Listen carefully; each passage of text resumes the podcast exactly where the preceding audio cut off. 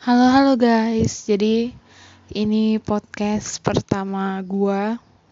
Di sini uh, gua sebenarnya nggak terfokus ke sesuatu yang berbau dengan review film dan sebagainya, tapi gue lebih pengen uh, ngecurhatin sih sebenarnya, ngecurhatin apa yang